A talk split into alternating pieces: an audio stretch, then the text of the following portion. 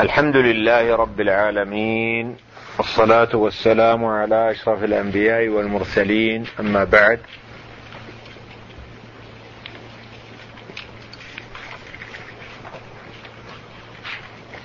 من الموضوعات الفقهية المهمة التي يحسن بطالب العلم أن يتعلمها وأن يدرسها ما يتعلق بالضوابط الفقهية.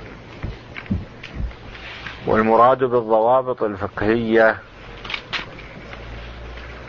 تلك القواعد الكلية التي تقتصر على باب فقهي واحد.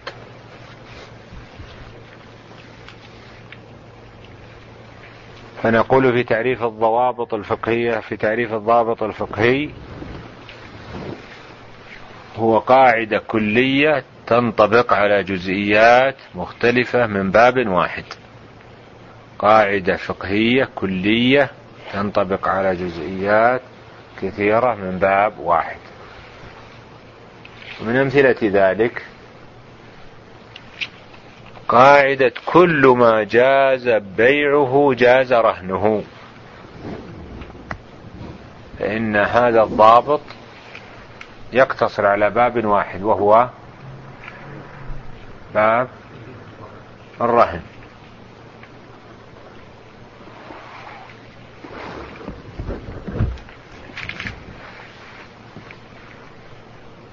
ونريد أن نفرق بين الضابط الفقهي وما له به اتصال.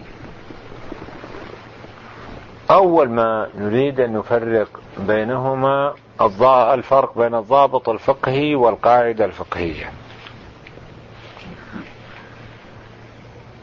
والقاعدة الفقهية يراد بها حكم كلي فقهي يصدق على جزئيات كثيرة.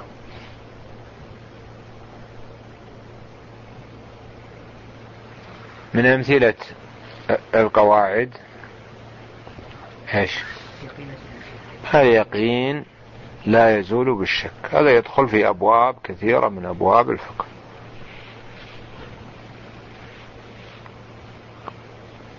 بينما الضابط الفقهي هو حكم كلي فقهي يصدق على جزئيات من باب واحد. وبذلك نعرف أن الفرق بين الضابط والقاعدة الفقهية يشمل أمورا. الأمر الأول أن القاعدة تشمل فروعا في أبواب مختلفة بينما الضابط الفقهي يقتصر على باب واحد.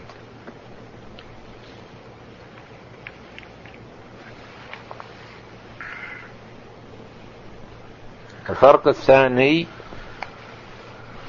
أن القاعدة الفقهية تتضمن علة الحكم ومأخذه كما في قاعدة لا ضرر ولا ضرار لأن الضرر منفي في الشريعة. يشمل جميع أبواب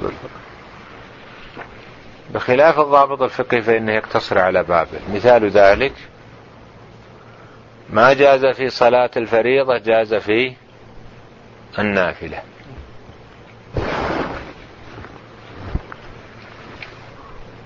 هذه قاعدة فقهية أليس كذلك؟ ضابط فقهي لماذا؟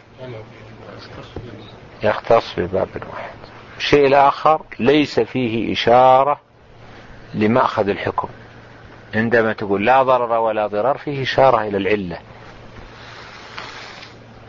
لكن هنا ما جاز في الفريضة جاز في النافلة. ليس فيه إشارة إلى علة الحكم.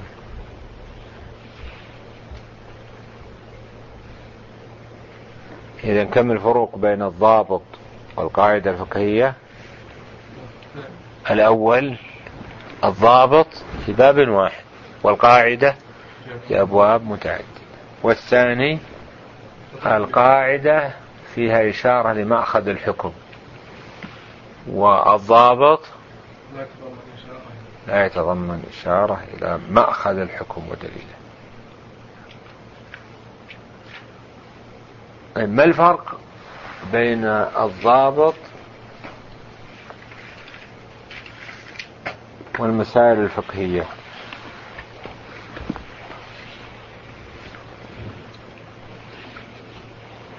المسائل الفقهية لا بد أن يكون فيها حكم شرعي.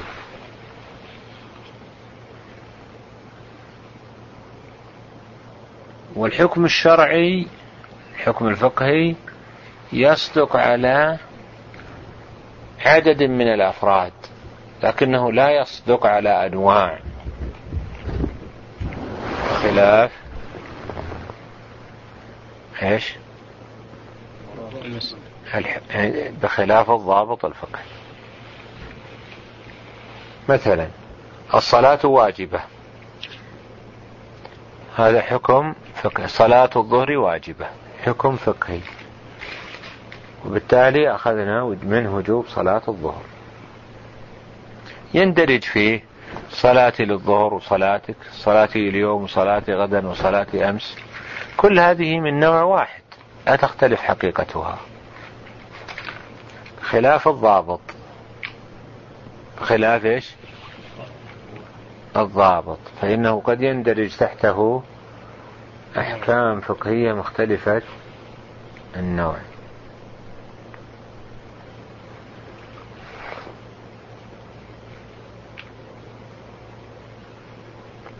واضح هذا؟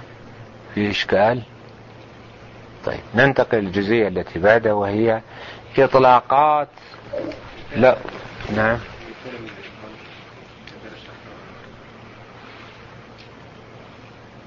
مثال المثال اللي قبل قليل.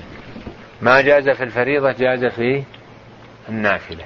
يدخل فيه سنن الرواتب صلاة الليل الوتر صلاة التراويح هذه أنواع. ليست أفرادا. الجزئية اللي بعدها؟ ها؟ نعم إطلاقات لفظ الضابط. قد يطلق الضابط على المعنى السابق وهو القواعد المختصة بباب واحد. وقد يطلق الضابط ويراد به ما هو أعم حتى يشمل القواعد.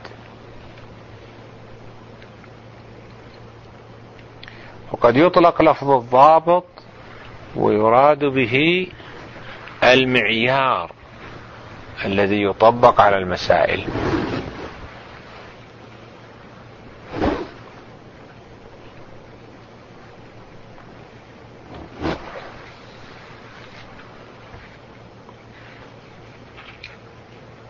وهذه إطلاقات يجدها الإنسان عند الفقهاء في أثناء قراءة لكتب الفقهاء. بعض الفقهاء أيضا يطلق لفظ الضابط ويريد به القاعدة. تعرف القاعدة؟ تأخذ إيش؟ فروع من أبواب مختلفة.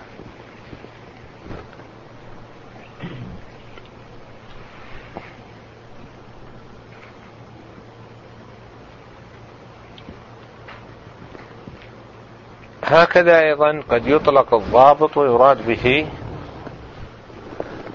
التنبيه قال ضابط حكم كذا.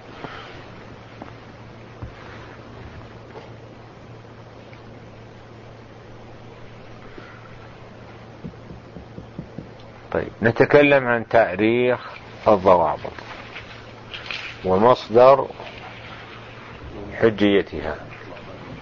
سم؟ مش ضابط الحرز؟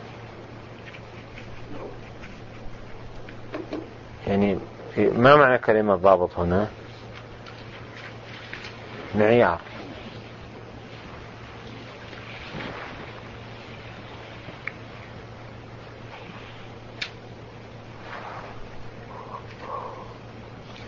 قلنا؟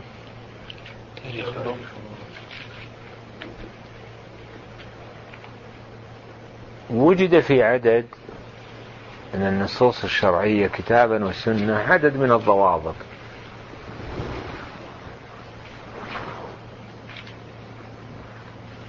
من أمثلة ذلك قول عز وجل وقد فصل لكم ما حرم عليكم إلا ما اضطررتم إليه. هذا ضابط في باب الأطعمة. حرمت عليكم الميتة هذا ضابط. في باب إيش؟ الأطعمة ضابط ولا حكم فقهي. تحته نوع وأنواع كثيرة.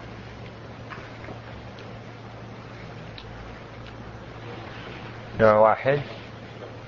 يعني ميتة الأرنب تساوي ميتة الجمل. نوع واحد. تقول؟ نوع واحد؟ ولا ليست نوع واحد وهكذا أيضا ورد في السنة النبوية عدد من الضوابط الفقهية. من أمثلة ذلك قول النبي صلى الله عليه وسلم الخراج بالضمان وقوله ما أبين من حي قول صلى الله عليه وسلم ما أبين من حي فهو ميتة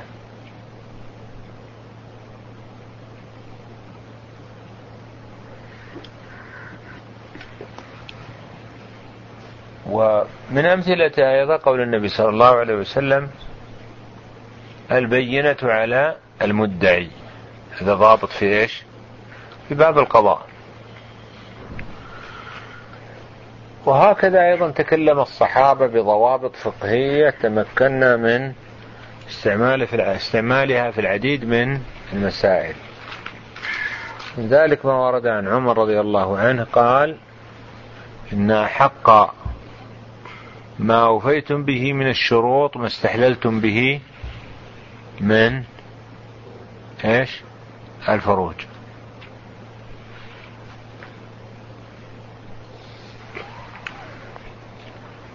وهكذا أيضا تتابع التابعون فتكلموا بكلمات بمثابة الضوابط الفقهية في الأبواب. وقد قال الأئمة بضوابط فقهية. مثال ذلك قول الإمام أحمد كل زوج يلاعن. هذا ضابط ولا قاعدة ليش؟ ما تحت لا لأنه تحت في باب واحد. لكن التفريق بينها الضابط والحكم الفقهي.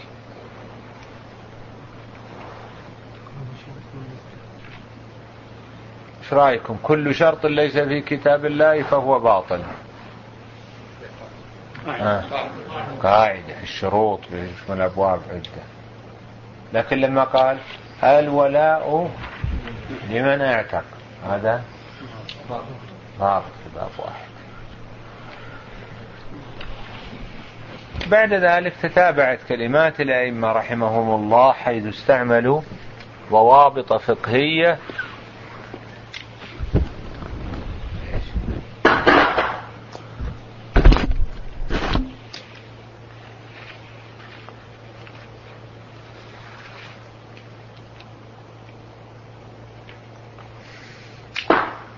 بعد ذلك تتابع كلام الأئمة في استعمال ضوابط فقهية توجد في الأبواب.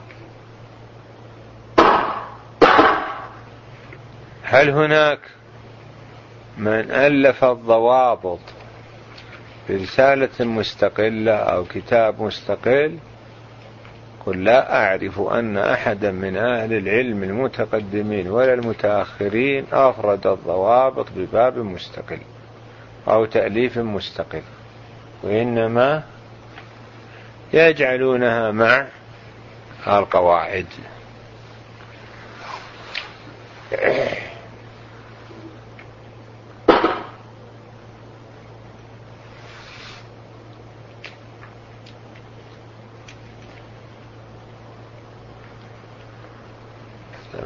هنا الأول من يمثل لنا بأمثلة؟ كتب فقهية تعرضت للضوابط الفقهية. قواعد ابن رجب. قواعد ابن رجب الضوابط الفقهية فيها قليلة وذكر أكثر من مئة قاعدة منها ما هو تقاسيم. تقاسيم أيضا علم مستقل. ومنها ما هو حكم فقهي مجرد. ومنها ما هو ضوابط فقهية ومنها ما هو قواعد. فلم يفرد الكتاب في الضوابط. إيش؟ أيضا كتب الأشباه والنظائر لا ليست مؤلفة في الضوابط الفقهية. يعني تجدهم يذكرون القواعد الخمس الكبرى ثم يذكرون القواعد الكلية التي ليست بكبرى.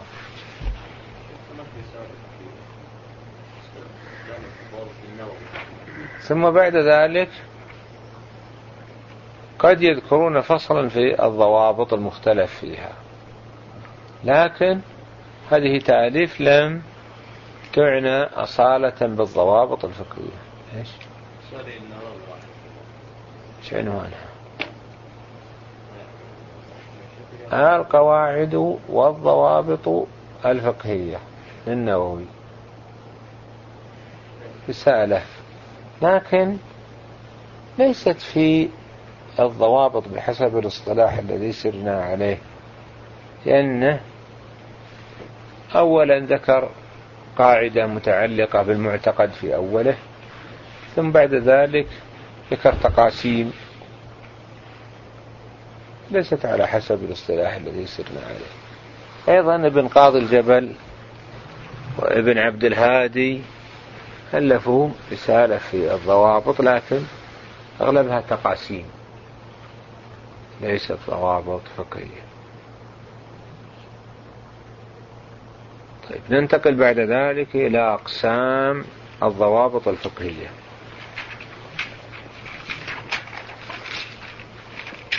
يمكن تقسيم الضوابط الفقهية باعتبارات متعددة.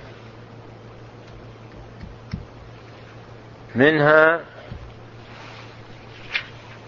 موافقة النص فهناك ضوابط مأخوذة من النصوص الشرعية ومنها ضوابط مأخوذة من سبر مسائل الباب من قبل الفقهاء.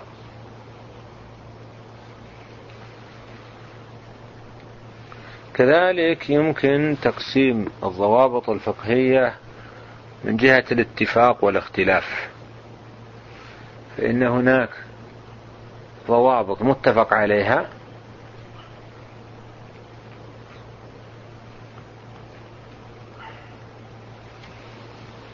مثل الأصل في المياه الطهارة و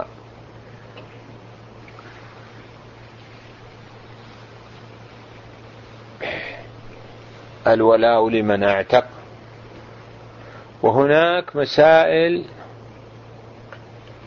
يقع هناك ضوابط يقع الاختلاف فيها. مثل إيش؟ هل الفسخ هل الإقالة فسخ أو بيع؟ هل الخلع فسخ أو طلاق؟ هل النفقة على المبتوتة الحامل هل النفقة على الحامل نفقة قريب أو نفقة زوجة؟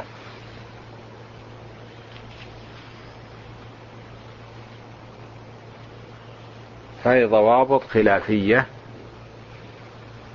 يترتب على الخلاف فيها عدد من المسائل الفقهية.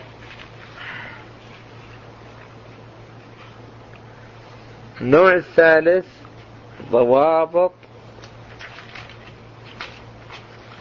متفق عليها لكن يختلف في فروعها وجزئياتها.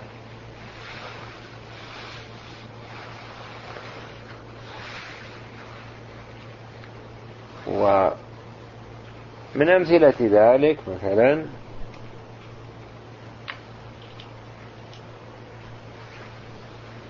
ضابط الغسل الذي كان أو الغسل الذي سببه سببه قبله فهو واجب والغسل الذي يكون سببه بعده فهو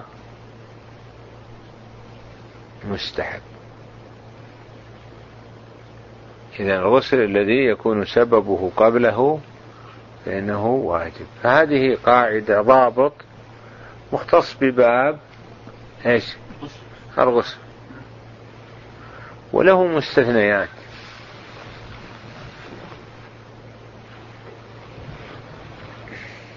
عند بعض الفقهاء. فأصل الضابط متفق عليه لكن وقع الاختلاف في اندراج بعض الفروع تحته.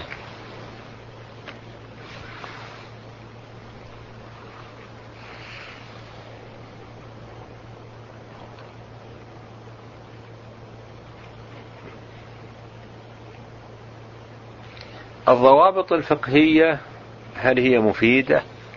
وهل ننتفع بدراستها؟ نقول نعم. هناك فوائد كثيرة بدراسة الضوابط الفقهية.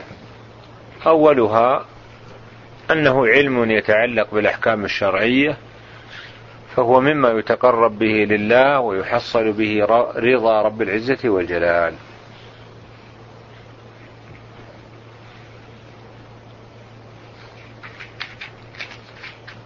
الثاني ضبط الباب الفقهي والإحاطة به. فإنك عندما تعرف ضوابط الباب يكون عندك قاعدة عند دراسة ذلك الباب وتكون أغلب مسائل الباب عائدة إلى هذه الضوابط. ومن ثم من عرف الضوابط وأتقنها فإنه يتمكن من الإحاطة بالفقه.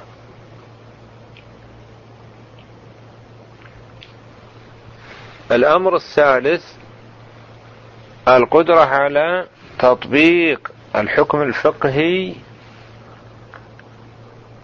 على المسائل الجديدة.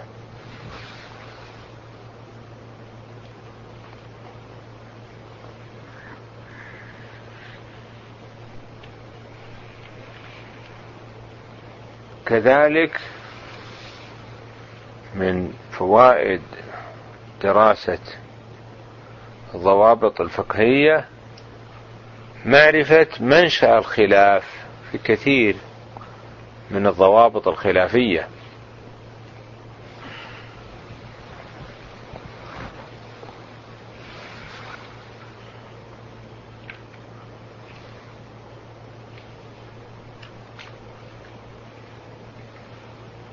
هناك ضوابط عامة فيما يتعلق بالفقه علم الفقه والعلوم. نضرب لها أمثلة.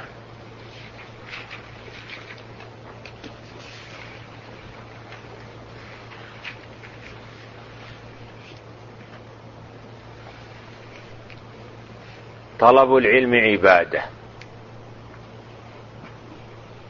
ترتب عليه وجوب إخلاص النية فيه لله.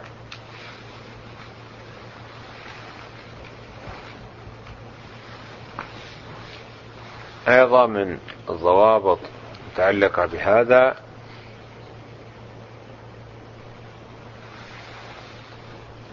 لا تنسب الأقوال للأئمة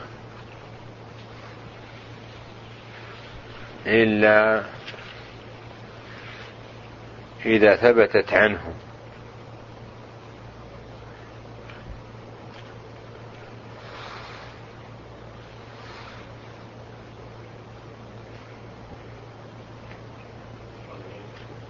أيضا من القواعد أو الضوابط الفقهية المتعلقة بالعلم أن إطلاق لفظ العلم يراد به العلم الشرعي.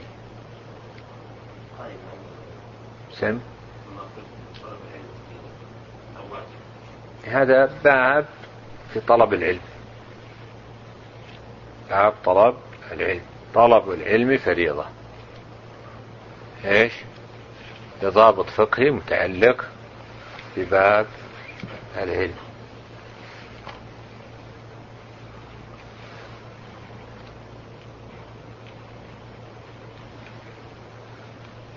لعلنا إن شاء الله تعالى نتكلم عن الضوابط الفقهية في الأبواب ذا من اللقاء القادم بعد غد ويكون منهجنا فيه على الآتي أولا ذكر الضابط الفقهي والتعريف به ثانيا وثالثا ذكر الباب الذي يندرج تحته ورابعا ذكر تطبيقات ونماذج لذلك الضابط. نسأل الله جل وعلا أن يوفقنا وإياكم لخيري الدنيا والآخرة وأن يجعلنا وإياكم الهداة المهتدين. هذا والله أعلم وصلى الله على نبينا محمد وعلى آله وصحبه أجمعين.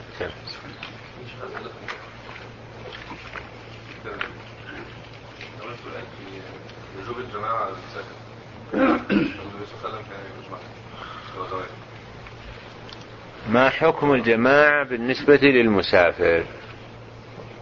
الأصل وجوب الجماعة.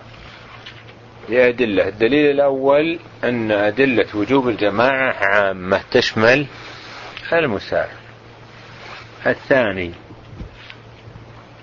أن هذا هو فعل النبي صلى الله عليه وسلم وقد قال صلوا كما رأيتموني أصلي. الثالث أن المعنى الذي من أجله شرعت الجماعة في الحضر موجود في السفر.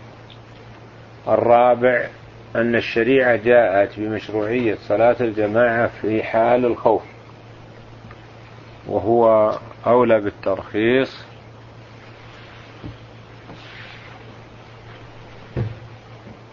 ومع ذلك في صلاة الخوف لابد من جماعة. هكذا في سائر بعض يقول إن الجمع في حال السفر يكون مرتبط به حاجة وليس مطلقا. فيعني ما هو الرد على ذلك؟ النبي صلى الله عليه وسلم قد جمع. بل جمع في سفره حال إقامته إقامة مؤقتة. حينئذ اشتراط الحاجة يحتاج إلى دليل.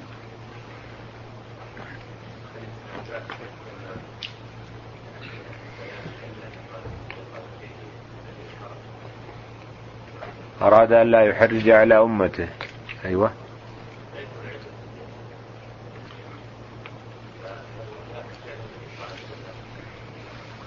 يعني تقدم معنا نماذج منه ذكرنا قال المؤلف مثل المرضع بمشقة الاحتراز من النجاسة. هذا من الحرج. لا ما يلزم. السفر قد يكون الإنسان غير متحرج ومع ذلك يجوز له الجامع.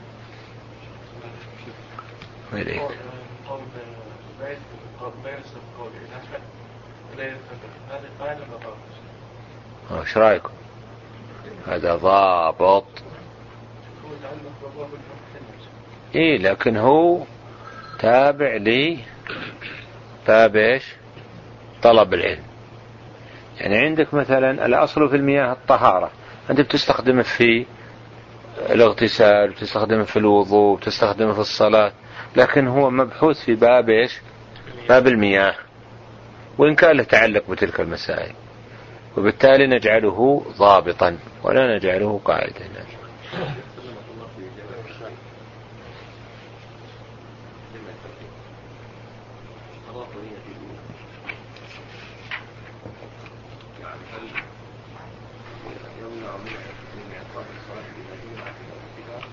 تقدم معنا أن المذهب يرون أن الجمع بين الصلاتين في وقت الأولى يشترط له أن يكون ناويا الجمع قبل البدء في صلاة الأولى. وهذا هو مذهب أحمد وطائفة. قالوا لأنه لا بد أن يقصد الصلاة وأن يقصد عين هذه الصلاة قبل أن يقدم عليها. واستدلوا عليه بقوله وإنما لكل امرئ إيش؟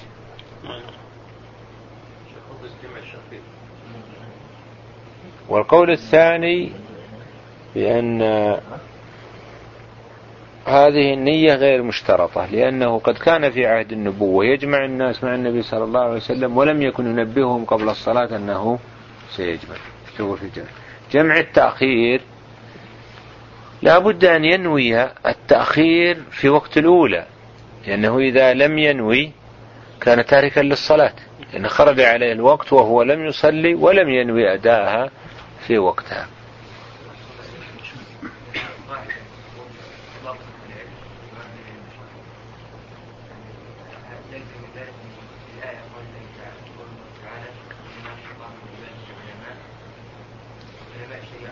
نعم هذا المراد.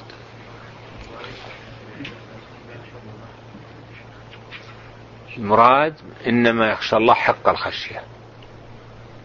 أما عوام الناس فهم يخشون الله لكن ما يخشونه مثل العلماء. آه علوم الأرض نقول إيش؟ كم من ملحد من علماء الأرض هؤلاء؟ ما يعرفون الله كيف فكيف يخشونه؟ الآن في طبعا قال الوقت الثاني عنها قرأها كذلك. عندنا الوقت الأولى. فرعت من الوقت الأولى. يعني فإن جمعت أخيرا اشترط نية الجمع لوقت الأولى قبل أن يضيف وقتها. فمثلا قال وقت الثاني عنها خلاص. عنده خلاص. نعم.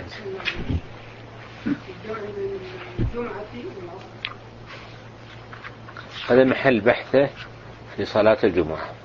وليس في الجمع. وهذه المسألة الجمهور لا يجيزون الجمع بين العصر والجمعة. قالوا لأن الأصل أداء كل صلاة في وقتها. استثني صلاة العصر جمع العصر مع الظهر لورود الدليل. ولم يرد دليل بإجازة جمع الجمعة مع العصر. ولا يصح أن نقول إن صلاة الجمعة بدل عن صلاة الظهر بل هي فرض مستقل. بالنسبة للغبار هل هو إن كان الإنسان يخشى على نفسه من هذا الغبار إذا كان أهل البلد كلهم يخشون مثل ما لو انعدمت الرؤية أصبح الإنسان ما يرى يده. يقول يجمعوا بين المغرب والعشاء. سن لا بد أن يلحق أهل البلد. مو بأفراد الناس.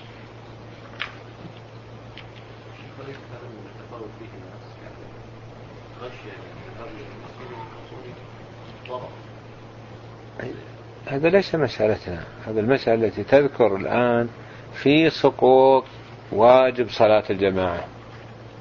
حنا لا نتكلم عن مبيحات الجمع. وهما مسألتان مختلفتان. نعم. بالنسبة للجمع في حال المطر لمن صلى في بيته. يعني هنا سقطت عنه علة المشقة. العموم مثل ما تقدم أن المذهب قال ولو في بيته ولو صلى في بيته والأظهر هو وجوب أداء الصلوات في حقه في وقت هذه الصلوات. قال؟ وأن يوجد العذر عند افتتاحهما وأن يستمر إلى فراغ الثانية. ليس من الأولى أن يقول أن يظن أن يستمر إيش؟ قال وأن يستمر إلى فراغ الثانية إيه. وأن يستمر العذر.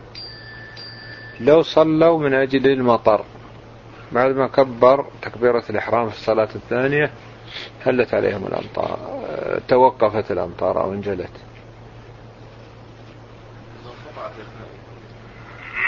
كيف؟ هذا كلام عندك. كلام الفقهاء يقولون أكثرهم يقول إلى أن يبتدئ في الثانية. بعضهم يقول إلى أن ينتهي من الثانية. لعل القول الأول أظهر. إليه الوارد في فعل النبي صلى الله عليه وسلم استحباب الجمع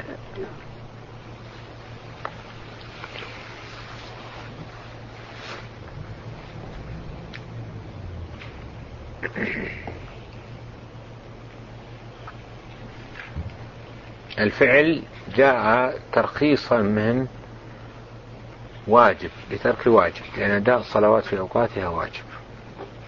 الفعل الذي يقع ترخيصا من واجب فحينئذ يحكم عليه بأنه مندوب. يحكم عليه بأنه إيش؟ مباح ليس بمندوب. الصلاة في البيت لمن آه، كان في حالة المطر. لا يجوز له الجمع بحكم أن الأصل هو جواز. أداء الأصل أداء كل صلاة بوقتها استثني منه الجمع للمغرب في المسجد. اجتماع الناس تألفهم. ما عاد ما عاد يمكن يجتمعون. لكن حصول الضرر بالمطر قد تكون علة مستنبطة ليست منصوص عليه. الأصل في حال المطر أنه أن يجمع بين الصلاتين في المغرب بين العشاءين. من صلى في بيته يجمع عند ذلك كما هو قول مذهب خلها تأملها إن شاء الله. الفرق بين التخريج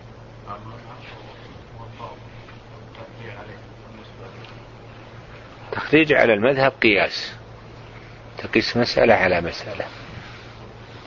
تطبيق الضابط يكون عندك قاعدة تنزلها على أفرادها.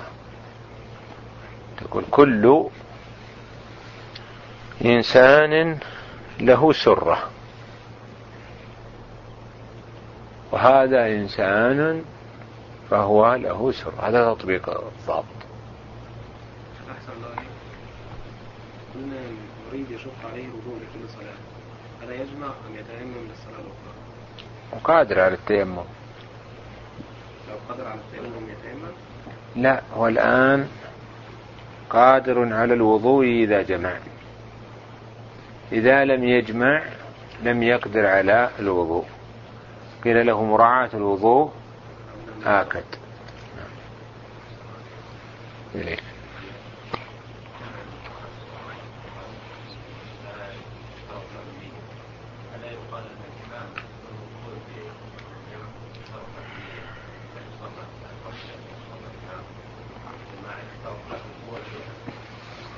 هل في أحد يقول بهذا؟